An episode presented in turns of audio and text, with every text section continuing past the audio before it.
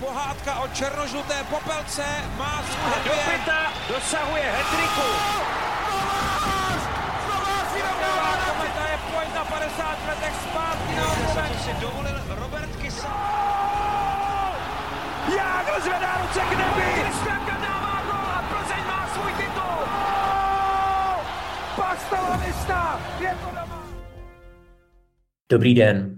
Tuzemským hokejem otřásla kauza šéfa svazu Tomáše Krále, který ale po rozhodnutí výkonného výboru ve funkci prozatím setrvá.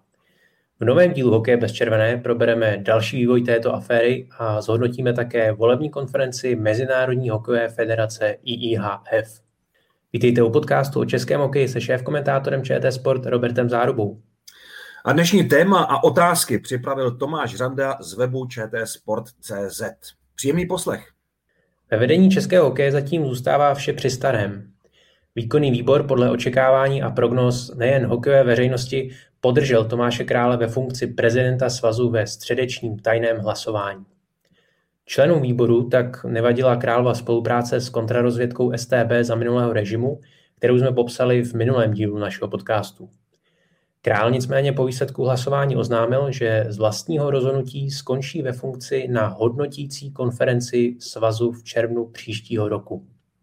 Než se dostaneme k aktuálnímu výsledku této kauzy, vraťme se ještě k pondělní tiskové konferenci, na které Tomáš Král představil vlastní verzi celého případu. Poslechněte si krátký úryvek Králova hodnocení. Přišel jsem na vojnu, potkal jsem se ze situací, kterou jsem neznal. Přišla, já jsem si nějak vyhodnotil, co mám udělat nebo nemám udělat a myslím si, že jsem to, že jsem to zvládnul bravurně a myslím si, že dneska bych to udělal, dneska bych to udělal stejným způsobem. Já mám svědomí eh, naprosto čistý. Pro mě je zcela rozhodující hodnotící pasáž té spolupráce se mnou, kde je napsáno, že na základě mých poznatků nebyl nikdo nikdo řešen anebo nějakým způsobem postižen. Pomlouvat se, když nemám eh, komu nebo v nějaké obecné rovině, eh, tak to se prostě omlouvat, omlouvat nebudu, protože nebudu tady hrát divadlo a říkat, že to tak cítím, protože já to tak necítím. Na čem postavil král svou verzi, kterou nepovažoval podle svých slov za obhajobu, neboť aktivní spolupráci s kontrarozvědkou sám potvrdil? On ji potvrdil ale s dovědkem, že nikomu neuškodil a to byl vlastně základní leitmotiv té jeho výpovědi, který několikrát zopakoval. Takže on potvrdil, že spolupracoval s vojenskou kontrarozvědkou, ale vyhradil si tu eventualitu, že by někoho tím eh, jakkoliv ponížil nebo že by komukoliv ublížil. A popravdě řečeno, v tomhle bodě mohl být velmi silný, protože se nepodařilo nikomu prokázat opak. Ten rozhovor deníku Sport s tím klíčovým svědkem, který jediný mohl vlastně Tomáše Krále dodatečně ještě obvinit nebo se vůči němu vyhradit a rozhořčit za to, co dělal proti němu, tak ten rozhovor bohužel následoval až poté, co tento muž kontaktoval svaz nebo svaz, nebo Tomáš Král kontaktoval tohoto muže, to už eh, eh, těžko do, úplně přesně ověříme, ale eh, tam bohužel bylo opačné pořadí, než by bylo pro tu celou kauzu důležité. Tomáš Král během té tiskové konference nabídl takovou zvláštní směs velké otevřenosti a upřímnosti. Já si nepamatuju, že by kdokoliv jiný z veřejných osobností od Jaromíra Nohavici přes Romana Berbra nebo Vojtěcha Filipa nebo kohokoliv, kdo byl kdy nařčen z jakékoliv spolupráce nebo z jakýchkoliv kontaktů se státní bezpečností, že by 50 minut držel vysvětlovací monolog a pak by ještě neomezenou dobu odpovídal na otázky novinářů.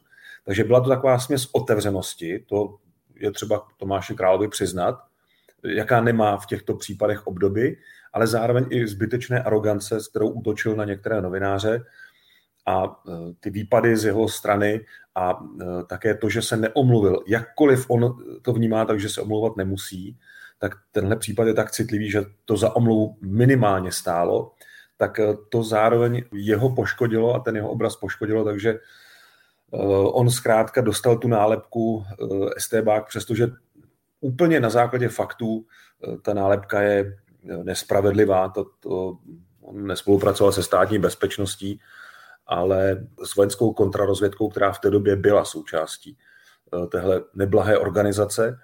On se snažil tedy vzbudit dojem, že nikomu neublížil, ale možná některými těmi zbytečnými výpady uh, ublížil sám sobě a tomu svému obrazu uh, bezúhoné oběti nějaké, nějaké štvanice. To se prostě uh, v tomhle případě tak úplně nepovedlo. Jaké jsou tedy výsledky středečního hlasování výkonného výboru a jak je to s následným královým rozhodnutím ve funkci skončit v červnu 2022? Je to kompromis, eh, protože Tomáš Král nechtěl vzbudit dojem, že končí pod tíhou této aktuální agendy. Zároveň, eh, a on to na té tiskové konferenci i říkal, eh, cítí, že zkrátka tohle je problém a že na Český svaz ledního hokeje by vlastně ulpěla ta špína spojená se státní bezpečností. Byť říkám, tenhle konkrétní případ, pokud tedy v něm ještě nenastane nějaký zásadní informační obrat, tak se nedá srovnávat vůbec eh, s většinou těch ostatních mediálních kaus, o kterých víme. Lidí, kteří vystupují veřejně a, a eh, mají daleko těsnější spojení se státní bezpečností. To je třeba říct. Na druhou stranu eh, bylo by neslučitelné a dostalo se to do situace, kdy prostě Tomáš Král nemohl v té funkci rozumně zůstat, protože by z Českého svazu udělal obrovský terč a bylo by to připomínáno při jakékoliv příležitosti. Přesně tenhle rozpor mezi pocitem a fakty vyjadřuje i to hlasování výkonného výboru, které samozřejmě bylo okamžitě podrobeno zdrcující mediální kritice, kdy tedy devět členů výkonného výboru se vyjádřilo pro setrvání Tomáše Krále, respektive, abych to formuloval správně, proti tomu jeho konci a jediný hlas byl pro. Bylo to tajné hlasování, takže nevíme, kdo jak hlasoval. Já mám nějakou představu o tom jedinci, ale ale eh, nebudu ji zveřejňovat, eh, nemám ji podloženou, je to jenom můj dojem, kdo asi tak eh, hlasoval proti. Tomáš Král se to hlasování neúčastnil. On to zorganizoval maximálně vstřícně vzhledem k volnosti těch členů výkonného výboru a jejich volnosti ohledně hlasování, ale ten výsledek 9.1 naznačuje, že prostě výkonný výbor to nepocituje jako zásadní, ale zároveň Tomáš Král hodně ulevil Eh, tomu Českému svazu, eh, když to odstoupení vlastně avizoval už dopředu na příští nejbližší konferenci, která měla být původně nám hodnotící, ale teď se z ní zjevně stane konference volební.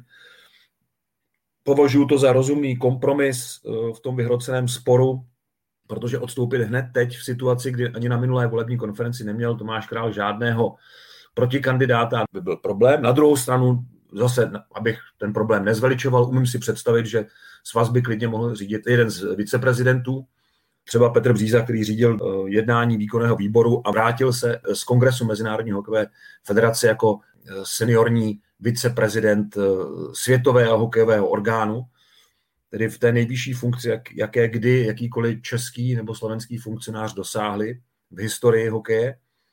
Takže klidně si myslím, že on by ten mandát mohl brzy získat, a nebo by mohl ten svaz vést. Takže eh, takhle se to má, no, že Tomáš Král si stanovil už jenom tři základní priority, které chce splnit a eh, Český svaz ledního hokeje bude pomalu hledat eh, jeho nástupce. A doufejme, že těch kandidátů bude víc a že hlavně se konečně přihlásí také někdo z těch velkých kritiků, kteří nenašli odvahu na dvou minulých konferencích se postavit proti Tomáši Královi. A třeba přesvědčí hokejové hnutí o tom, že jsou nositeli té, té správné cesty, kterou zatím český hokej v poslední dekádě marně hledá. O čem rozhodnutí výkonného výboru vypovídá? Potvrdilo se, že se král může opřít o vlivné a silné postavení v prostředí českého hokeje? Podle toho hlasování 9 ku 1 ano. On se snažil teda eh, jak si nechat ten výkonný výbor hlasovat úplně Eh, nezávisle, eh, bez vlivů, aspoň tak to mělo tedy vypadat. Nicméně nějaký vliv tam nakonec byl a v tomhle musím korigovat ten původní dojem z dnešního briefingu uh, s novináři, na který se dostavil nikoli člen výkonného výboru, ani jeden z těch deseti nenašel odvahu předstoupit před média, ale uh, možná s ohledem na to, že ta volba byla tajná, nikdo nechtěl ani naznačovat, jak v té volbě si vedl, ale předstoupil pouze tiskový mluvčí Zdeněk Zikmund a ten hovořil o tom, že výkonného výboru se zúčastnila ředitelka agentury BPA Jana Obermajerová, která měla tlumočit podporu hlavního partnera českého hokeje, sáskové kanceláře Tipsport a dalších partnerů Tomáše Královi. Jenomže Tipsport se večer po té, co jsme odvysílali tuhle verzi, tak se ohradil a vydal prohlášení, že takhle úplně tu prezentaci eh, nemínil a jak si upravil tu, tu eh, formulaci tak, že eh, jako hlavní partner českého hokeje vyjádřil podporu výkonnému výboru a českému hokeji, že tuto situaci vyřeší, že ji zvládne.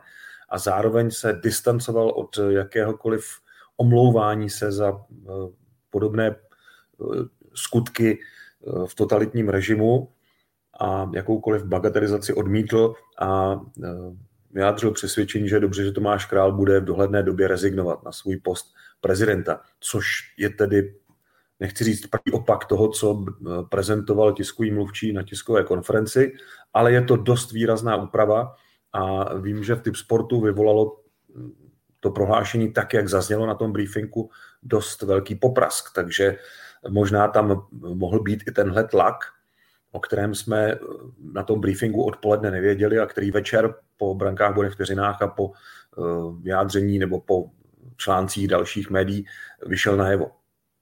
Ukázalo hlasování členů výkonného výboru problematické propojení některých zástupců extraligových klubů s vrcholním orgánem svazu?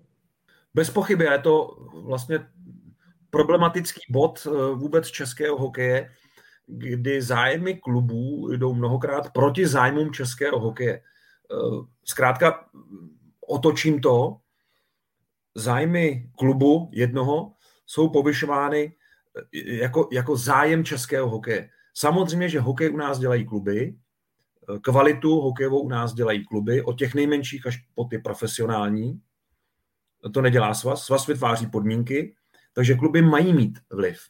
Problém ale je, že u nás eh, ten vliv není dobře vybalancován a mnoho rozhodnutí ve výkonném výboru je vedeno klubovými zájmy, nikoli v zájmy českého hokeje.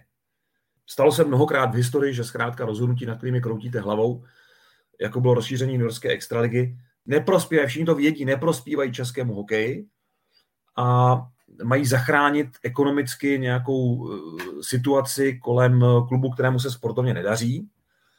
A vlastně přinese to do struktury soutěží nesoulad, disharmonii a vlastně početní neúměrnost s ohledem na to, co je český hokej schopen vyprodukovat za počet hráčů, kteří mohou působit ve vrcholovém hokeji od juniorky nebo od dorostu přes juniorku až po uh, šance ligu a extraligu. Takže tohle to je daleko větší problém a neřekl bych, že s tím souvisí nějak ten poměr dnešního hlasování 9-1, ale spíš tohle je problém dlouhodobý, jak lépe vybalancovat ten uh, střed zájmů, kterou se dostane každý klubový funkcionář, který má mít vliv na český hokej, ale zároveň má nějak řídit uh, svůj klub a má dělat všechno pro to, aby ten klub prospíval. Tohle uh, bude muset ten nový předseda nebo teď se říká prezident, velice citlivě nastavit, pokud to bude možné, aby kluby stále měly své zastoupení, ale aby zároveň bylo možné eh, víc rozhodovat eh, proti zájmu klubu, pokud je to v zájmu českého hokeje, což je třeba zúžení eh, extraligy na, na 12 týmů, což výhledově je jediná smysluplná sportovní i ekonomická cesta, jak tu soutěž zkvalitnit. Jaké důsledky tedy bude mít eh, královo setrvání ve funkci? Já se Tomáši ještě vrátím k té předchozí otázce, eh, protože jsem zapomněl tam doplnit eh, to, že Tomáš Král, nebo zdůraznit, že Tomáš Král opravdu nechtěl na základě této aktuální agendy odstoupit. Nechtěl prostě z pocitu snad určitého funkcionářského sebevědomí dát najevo, ne, já prostě kvůli tomuhle odstupovat nebudu, ale výhledově prostě končím. A bude to mít ten důsledek, že se bude dál poukazovat na to, že s tím škralupem prostě pokračuje ve funkci, jakkoliv si myslím, že se to nedá srovnat uh, úplně s tím, co vykazovaly jiné osobnosti, které ani neměly potřebu se k tomu jakkoliv vyjádřit. Osobnosti, které veřejně vystupují nebo nějak veřejně působí. A bude to mít samozřejmě ten důsledek, že začne trošku větší rojení kolem té funkce, protože je jasné, že Tomáš Král pokračovat nebude a že bude nutné najít nástupce. Jestli už se to bude uh, odehrávat s vlivem Tomáše Krále, který si bude sám vybírat svého nástupce a doporučí ho, anebo jestli zkrátka z toho hnutí uh, vzejde nějaký počet kandidátů, doufejme, že uh, větší počet, aby to byla opravdu konkurence, to, to se nedá teď úplně odhadnout, nedá se to říct, ale některá logická řešení se nabízejí. Mluvil jsem o Petru Břízovi, který jako seniorní viceprezident IHF by to časově mohl zvládnout, ale taky má své nějaké, řekněme, minulostní limity, ale z hlediska té doby, o které byla řeč před chvilkou, tak tam je řekl bych, velmi kredibilní, protože on to byl, kdo první ze sportovců vystoupil proti režimu v roce 1989 veřejně, takže to, toho staví úplně do opačné, na opačnou stranu, než, než se dostal teď momentálně Tomáš Král. Je tady celá řada kritiků, o kterých jsem mluvil, kteří by se teda teď měli ukázat, že opravdu myslí svou ochotu pomoci českému hokeji vážně a měli by se o tu funkci ucházet a předložit eh, své záměry, ale hlavně potom svou pracovitost a eh, schopnost eh, vrátit českému hokeji silné podhoubí. Protože to je něco, co já vyčítám tomu současnému vedení daleko víc než tu poslední kauzu. Pro mě to je taková poslední kapička, ale daleko horší pro český hokej je to, co se nestalo těch posledních deseti letech. To, co vlastně český hokej tak tragicky zanedbal. Už byly naznačeny eh, královy priority, které si stanovil pro zbývající působení ve funkci, tak které to jsou? Je to návrat Extraligy eh, asociace profesionálních klubů, na kterém právě APK už dost intenzivně pracuje. Mohlo by k němu dojít už eh, příští rok na jaře. Tady samozřejmě hned musím dodat ten eh, rozpor mezi zájmy českého hokeje a zájmy asociace profesionálních klubů. Pokud se to podaří, ten převod, a teď k němu bude silná vůle a bude to určitě připravenější než naposled, tak to vrhne na APK znovu velice silnou zodpovědnost. A jestli teda já znám ve sportovním prostředí nějaký orgán, který nebyl schopen se domluvit skoro na ničem rozumném, tak to bylo v minulosti APK. To chvíli to bylo opravdu až tragikomické, jak funkcionáři tam přijeli hájit zájem svého klubu a utvářeli velice podivné aliance, aby prosadili nějaký svůj bizarní požadaveček a těch eh, opatření a, a nesmyslů prostě kolem ligy bylo tolik, že to tu, tu soutěž strašně brzdilo. Eh, od té doby, co soutěž vede svaz, teď myslím Extraligu, tak uh, se celá řada těch iracionálních rozhodnutí zastavila a řekl bych, že ta soutěž se vydala správným směrem. Jde o to, aby APK pokračovalo nějak v tomhle směru a aby se nebálo posoudit své ekonomické a sportovní možnosti a přistoupit opravdu k redukci týmů. Protože eh, podle mě bez toho Extraliga eh, zapadne úplně do evropského průměru a eh, přestože jsou tady argumenty, ano, 14 klubů a pořád ta soutěž vypadá dobře, je to pravda, nevypadá špatně, ale neprodukuje takové hráče, neprodukuje tolik vynikajících hokejistů jako v minulosti a musí si vypomáhat musí si vypomáhat armádou cizinců. V téhle sezóně je to úplně frapantní, prostě 67 cizinců v 15 klubech, to, to je opravdu jako příliš. Tady si myslím, že český hokej eh, dost selhává. Eh, takže první věc je tenhle ten převod. Eh, za druhé, druhou prioritou je řešení. Pokud jsem si správně poznamenal, padlo slovo řešení, nikoli zrušení hodnotových tabulek hokejistů. To jsou vlastně ty přestupní brzdy, které zastavují kariéru hokejistů kvůli vysokému odstupnému. A je tu na jedné straně ten problém, že celá řada klubů má hodnotu hokejistů zapsanou v účetnictví a tohle úplně zbortí s ekonomickou strukturu některých klubů, takže se tomu vehementně brání. Ale zároveň to ale z hokejistů občas dělá nevolníky, kteří uh, už tady byly i případy, že skončili kariéru, protože se nemohli vymanit uh, z té tabulkové pasti a týkalo se to i poměrně mladých ročníků. Takže je to bez pochyby velký problém k řešení. A za třetí eh, Tomáš Král chce ještě nastartovat přípravy na mistrovství světa 2024, které má znovu ekonomicky pomoci eh, českému hokeji. Pokud eh, by to bylo alespoň z části tak úspěšné, jako byl šampionát v roce 2015, tak to mistrovství 2024 může zase přinést českému hokeji peníze a doufujeme, že tentokrát i opravdu Eh, výrazněji pomohou tyhle peníze eh, tam, kde jsou nejvíc potřeba. Protože navzdory všem těm programům a všem těm eh, tabulkám, které ukazují, kolik Český svaz ledního hokeje nalil peněz do mládežnického hokeje, výkonnostního hokeje, do malých klubů, tak pořád, pořád mám ohlasy prostě z, z malých klubů a z malých míst, že tam nemají jak platit trenéry, že tam mají spousty problémů s výstrojí, s náborovými akcemi. Uh, nevím, eh, prostě na jedné straně je tady nějaká prezentace, na druhé straně je tady, uh, je tady faktický stav, který té prezentaci nevždycky úplně odpovídá.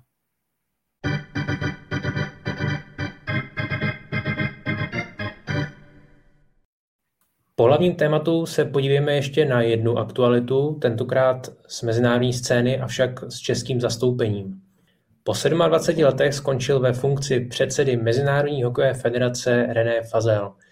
Novým šéfem IHF se stal možná trochu překvapivě 68-letý Luc Tardif, předseda francouzského svazu, který ve finálovém souboji porazil Němce France Reindla.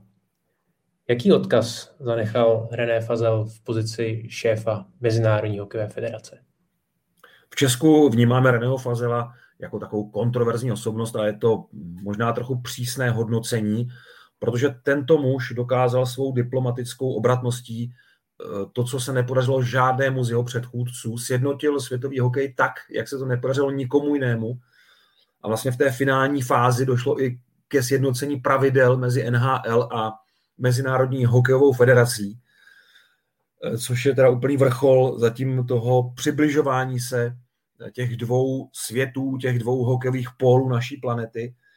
No ale především dostal k sobě ty hráče na neutrální území, to znamená pod olympijskou vlajku a e, to opravdu je zásluha, kterou mu nikdo nevezme.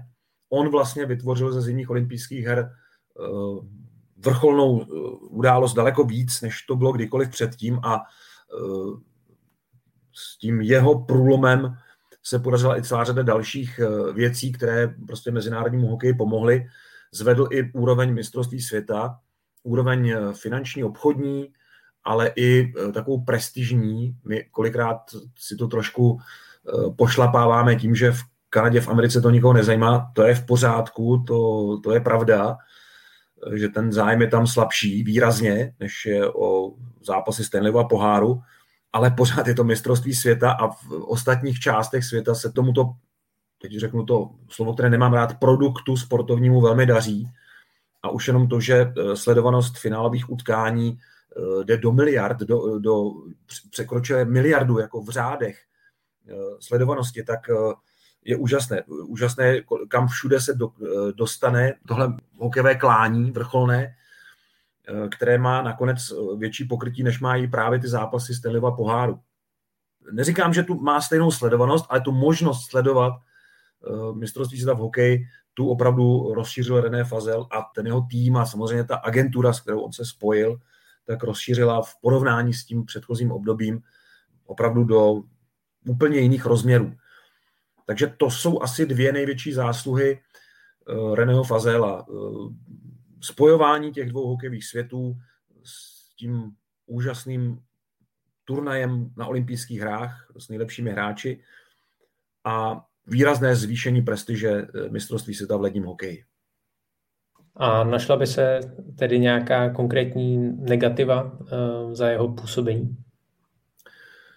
Pro mě je to pořád to nedostatečné vyrovnání, to je vlastně to, co chybí tomu, tomu přibližování dvou světů a to je nedostatečné finanční vyrovnání, ohodnocení vlastně výchovy hokejistů, které se neřídí tržní cenou, ale, ale nějakým dokumentem, aby skončila ta džungle 90. let, kdy prostě hráč se sebral a uh, odjel do NHL a pak se teprve vyjednávalo, jak vlastně bude uh, saturován ten klub, který ho vlastní v Evropě, nebo který ho vychoval, nebo který ho prostě připravil a který do toho vložil určité peníze.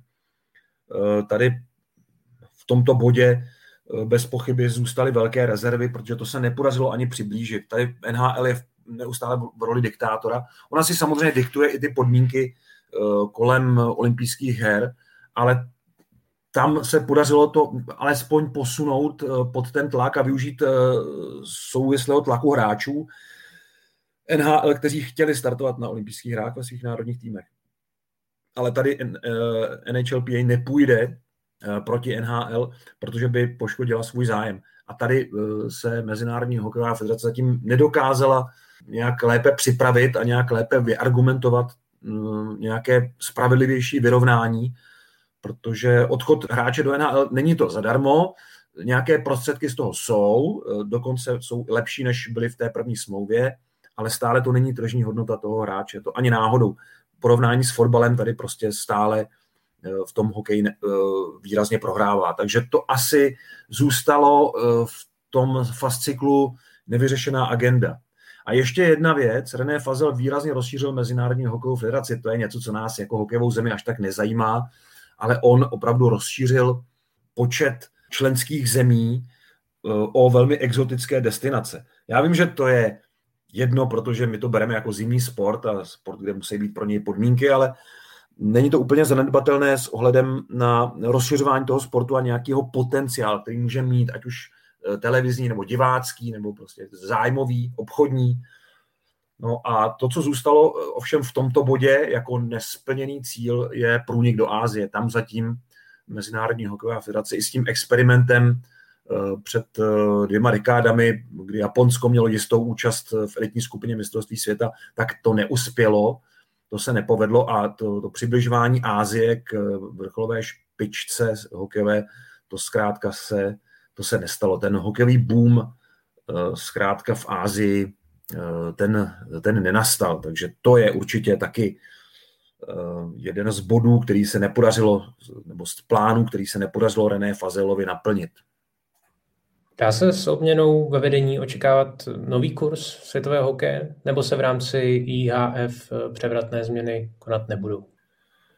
Uh, Lik Tardif je těsně před 70. jemu je 68 let.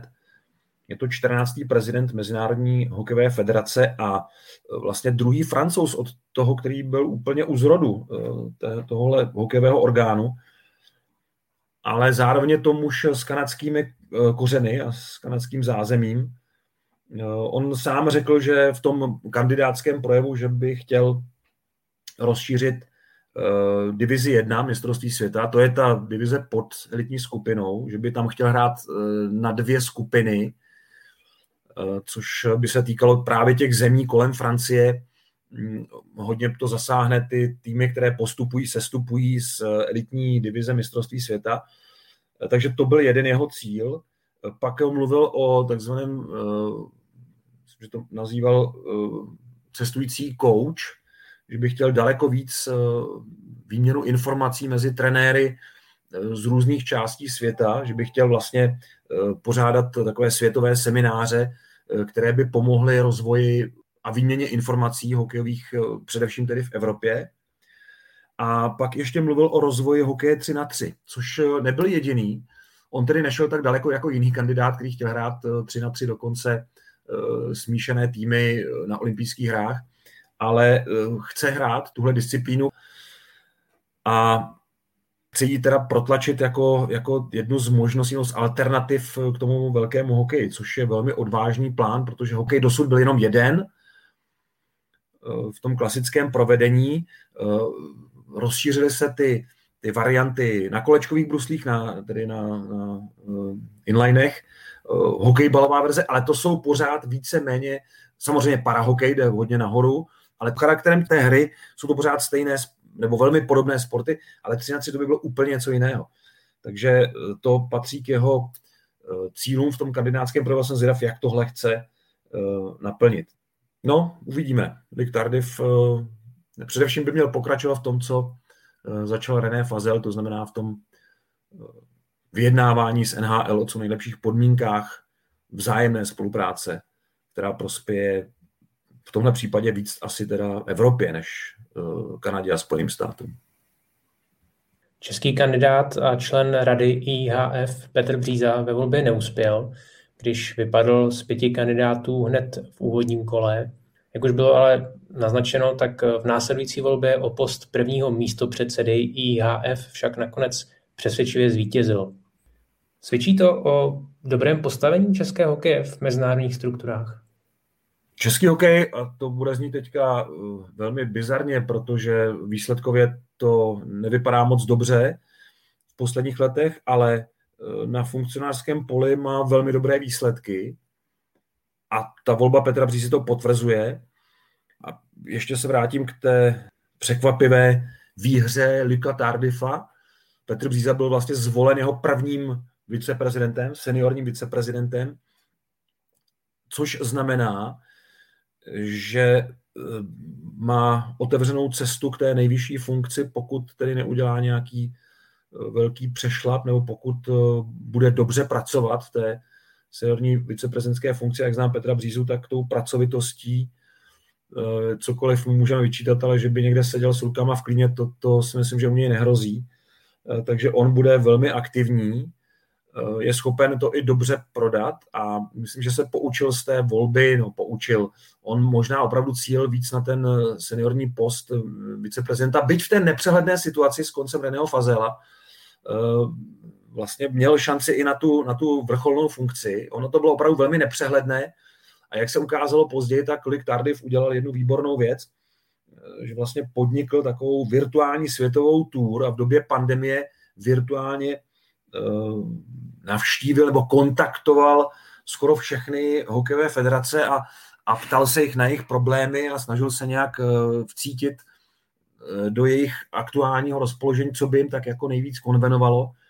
A možná proto tak překvapivě, ale zaslouženě zvítězil, protože získal opravdu dost výraznou podporu proti Franci Reindlovi, který byl brán jako největší favorit. No a Petr Bříza byl tomuhle vítězství velmi blízko, myslím teď, že ho sledoval zblízka a určitě to jeho zvolení do funkce prvního viceprezidenta eh, je eh, jako známkou po takhle krátké době, v té radě IHF není moc dlouho, tak eh, to je samozřejmě pro něj známka toho, že tam zaujal, že tam, že tam přesvědčil mnoho lidí. Znamená to tedy, že že opravdu má eh, dobrý potenciál pro nějakou další volbu v příštím období. A pro český hokej eh, je to, je to dobrá zpráva. Otázka je, jestli by Petr Bříza nebyl zapotřebí teď víc v tom, v tom domácím hokej, v tom domácím nástupnictví po Tomáši Královi. To uvidíme.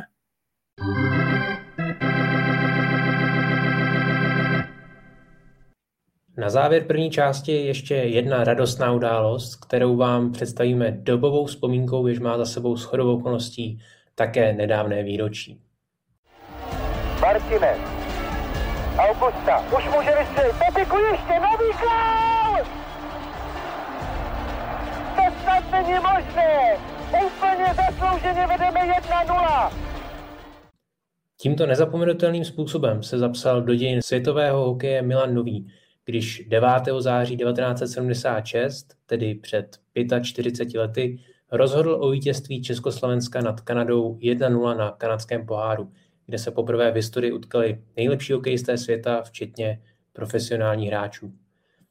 Milan Nový, nejlepší kanonýr naší ligové historie, oslavil v minulém týdnu 70. narozeniny.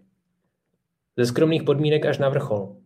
Tak by se dal popsat jeho hokejový život – Poslechněte si, jak Milan Nový vzpomínal na svou úspěšnou kariéru. Na tréninku sice, protože táta dělal na šachtě, tak jsem žádnou protekci neměl, tak mi dali výzbroj, ale hned první nebo druhý trénink jsem začal dávat góly a takových hráčů je málo. to jsem dělal celý život, že jo. Tak asi takhle jsem se dostal a střelců je málo, vždycky bylo a bude, že jo. Tam žádný trenér vás to nenaučí, buď to tam je, nebo není, že Ale měl jsem štěstí samozřejmě na výborný spoluhráče. Já jsem vždycky u té branky věděl, kam se to odrazí, nebo kam mám vystřelit, že jo. Tak nejdřív ti říkají, že to je náhoda, že jo. Pak, když jsem zase dával hodně gólů, tak jsem musel zase hráčům říkat, že to je náhoda, že mi to sjelo, protože mysleli, že jsem to tam myslel, ne. Ale taky jsem měl dny, že Franta mi třikrát nahrál, pospíšil, já třikrát sám na bránu a nedal jsem. Tak mu říkám na střídačce, Franto, nahrávej někomu jinému. Milane, já ti budu hrávat pořád. Nikdo, když nedáš góla, ty nedá ho nikdo. Jaká byla kariéra Milana Nového a jaké jeho rekordy zůstanou pravděpodobně nepřekonatelné?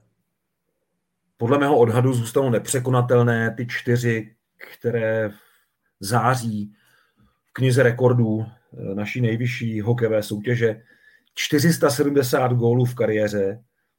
Eh, teďka Viktor Hýbl míří k té čtyřstovce, chybí mu aktuálně pět gólů a doufejme, bude pátým hokejistou v historii, který dokáže tu čtyřstovku překonat, ale aby dal ještě dalších 70 gólů, eh, při vší úctě eh, to bude opravdu hodně těžké a upřímně tomu moc nevěřím. Takže tenhle rekord zůstane neohrožen, protože za Viktorem Hýblem je dost velká mezera.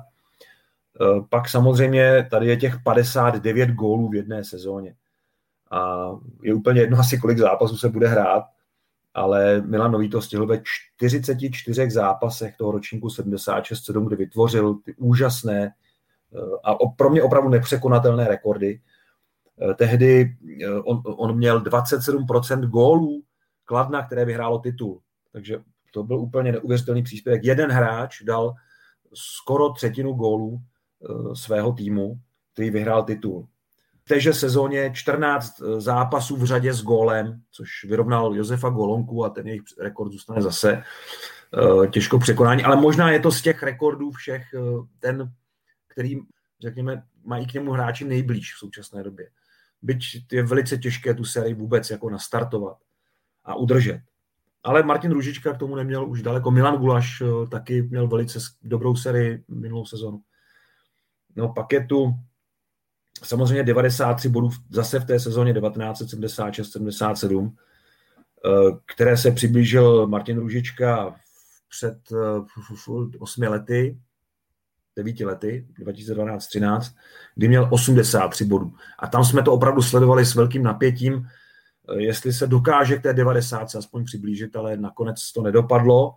Nicméně obdivuhodný výkon Martina Růžičky, ale pořád mu chybělo 10 bodů a to ještě měl samozřejmě větší porci zápasů než Milan Nový v tom, v tom svém rekordním ročníku. Takže tyhle rekordy Milanu Novému asi už nikdo nikdy nevezme.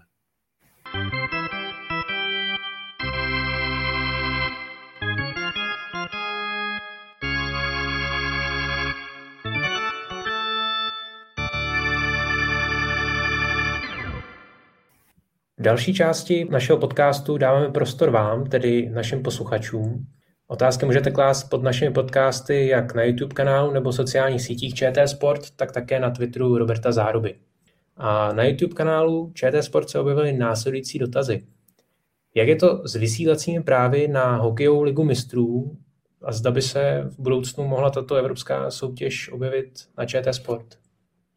Občas se k tomu vyjadřoval, myslím, v minulém roce, že jsme úplně v zárodku Ligu mistrů jako Česká televize podpořili výrobou signálu z těch letních zápasů, o které žádná televize nevěla zájem, s příslibem, že potom budeme mít přístup k těm právům na vyvrcholení soutěže, ale z důvodů, které nebudu podrobně vysvětlovat, k tomu nedošlo a práva na Ligu mistrů má jiný televizní subjekt v Česku, takže Česká televize Ligu mistrů nemůže e, vysílat.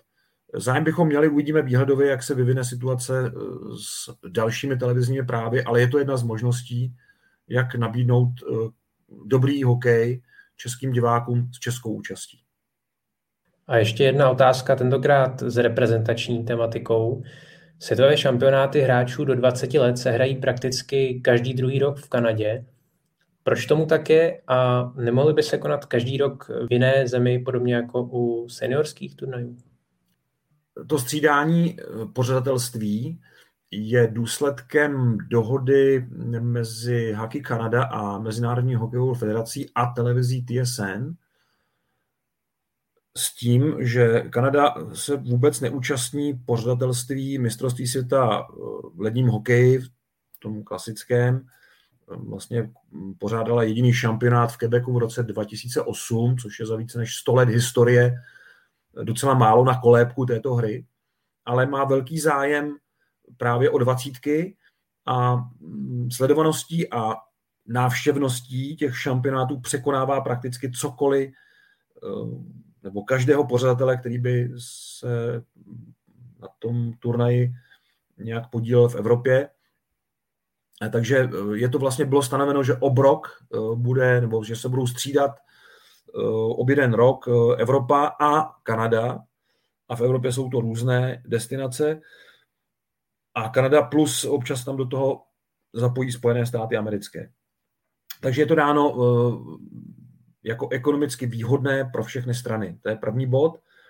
A druhý, eh, proč teď je mistrovství podruhé za sebou v Edmontonu, což eh, je vlastně nad rámec té dohody, to vzniklo tak, že mistrovství světa mělo být v Jeteborgu, ale už dříve bylo rozhodnuto, že kvůli větší pravděpodobnosti účasti diváků Eh, bylo znovu to mistrovství 2022 přiděleno Edmontonu a Red Deer, které tak budou společně pořádat druhý šampionát v řadě, respektive eh, Edmonton bude po druhé v řadě a Jeteborg byl odsunut na rok 2024. No a důvod, oficiální důvod byl ten, že v Kanadě je velká pravděpodobnost, že to letošní mistrovství nebo to mistrovství, které na přelomu roku bude možné uspořádat s účastí diváků, což je pro Kanadu strašně důležitá věc. Ale už tím, jak se spožďuje oznámení hracího plánu, je zřejmé, že i letos tam budou v Kanadě problémy s tou organiz- ne s organizací těch zápasů, ale s tím uh, přístupem nebo uh, přístupem diváků, s tou možností pro diváky, aby si, aby si koupili vstupenky, uh, tak uh, obvykle touhle dobou už byl herní plán byl venku a my jsme s ním pracovali a teď se to opravdu odkládá, odkládá a čekáme, s čím eh, kanadská strana přijde, protože Česká televize bude opět vysílat mistrovství světa dvacítek, eh, ale záleží strašně moc na tom, v, jaký, v jakých časech budou zápasy České dvacítky.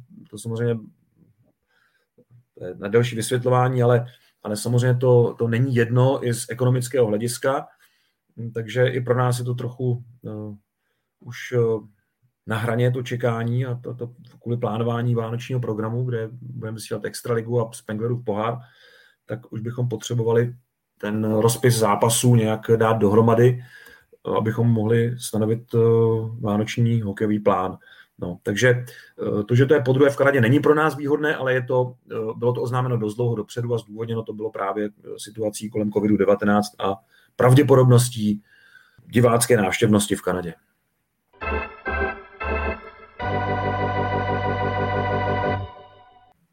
Aktuální kauza šéfa hokejového svazu Tomáše Krále není v českém prostředí ničím ojedinělým. V závěrečné rubrice vám nabízíme top 5 předčasných konců předsedů Českého hokejového svazu.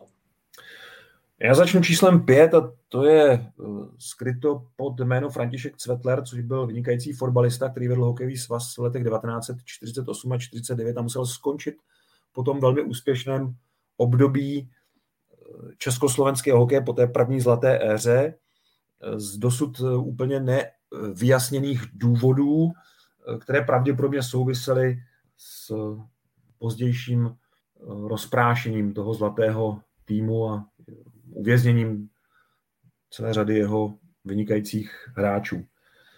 Číslo čtyři je aktuální kauza Tomáše Krále, který tedy bude končit po 13, respektive 14 letech ve funkci, což je Eh, český rekord od roku 1993, ale je to vynucený konec a je to vynucený konec v polovině mandátu, který získal na poslední volební konferenci. Číslo 3 Karel Gut, který skončil po deseti letech ve funkci v roce 2004. Eh, kontroverzní to bylo v tom, že jeho nástupce Bratislav Kulhánek nenaplnil vůbec očekávání hokejového hnutí a jeho řízení svazu bylo velmi formální, takže ta předávka od Karla Guta, který ten svaz řídil, jak nejlépe uměl, ale také má podíl na tom zanedbání, nezachytil ten nástup krize českého mládežnického hokeje, tak skončil úplně z jiných důvodů. Pamatuju si na ten jeho velmi emotivní projev, při kterém se málem rozplakala nakonec.